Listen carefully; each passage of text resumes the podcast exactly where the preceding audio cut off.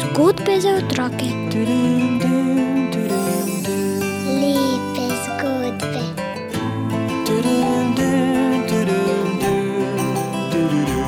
Bere nam jih Juri Sešar.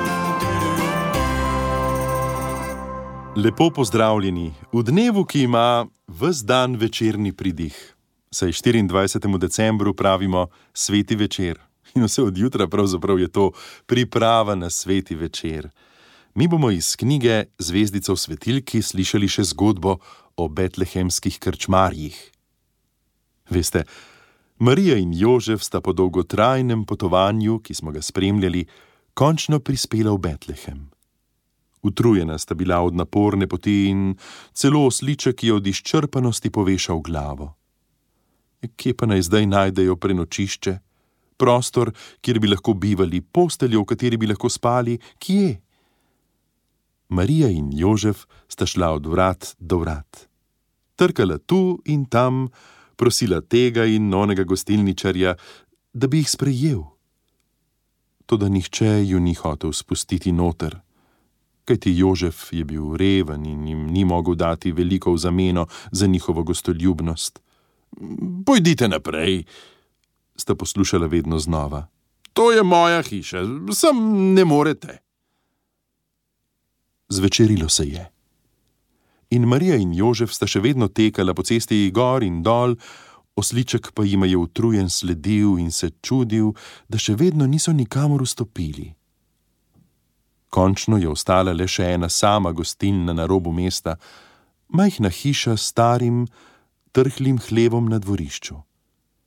Jožef je tudi tukaj potrkal na vrata. Ko jim je gostilničar odprl, sta oba videla, da je izba polna ljudi in tako si sploh nista upala izreči svoje prošnje. Gostilničar Titus pa ju je sočutno pogledal in opazil, da sta utrujena in da potrebujeta streho nad glavo. Popraskal se je za ušesom in zamrmral, "Mm, kaj naj naredim. Tukaj stojita mož in žena z osličkom. Vsi so utrujeni in potrebujejo prostor za spanje. In tukaj je gostilna, kjer lahko utrujeni popotniki prenočijo. Toda hiša je polna. Ljudje spijo celo na klopeh. Zamišljeno je pogledal po temnem dvorišču, in tedaj so se mu zasvetile oči. Zaklical je: Tam že gori svetilka, kdo ve, če ni čakala ravno vas. Pojdite za menoj, žena, mož in osov, imeli boste hišo skoraj sami zase. No, sicer ni ravno velika in tudi ne preveč urejena, a streho nad glavo boste imeli in slame, da si boste lahko z njo postlali. Kam jih je gostilničar odpeljal? No, sej že veste. V hlev, ki so ga božične miške tako lepo pospravile, tja, k volu Remusu, kjer je čakala zvezdica v svetilki ter razdajala svojo prijazno svetlobo. Tam so torej Marija, Jožef in tudi osliček, ki jih je spremljal na poti v Betlehem, našli prenočišče. Vol Remus se je veselil njihove družbe, končno so prispeli in končno bo lahko. Ja, kaj? Končno bo lahko božič.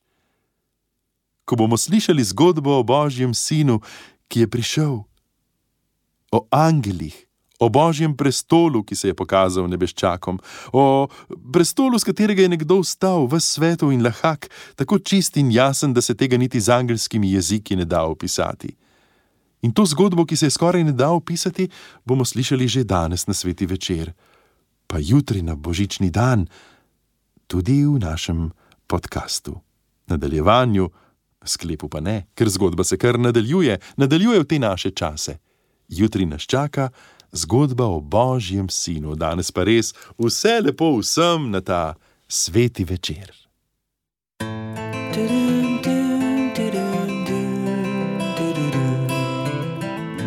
Good rocket. Life is good.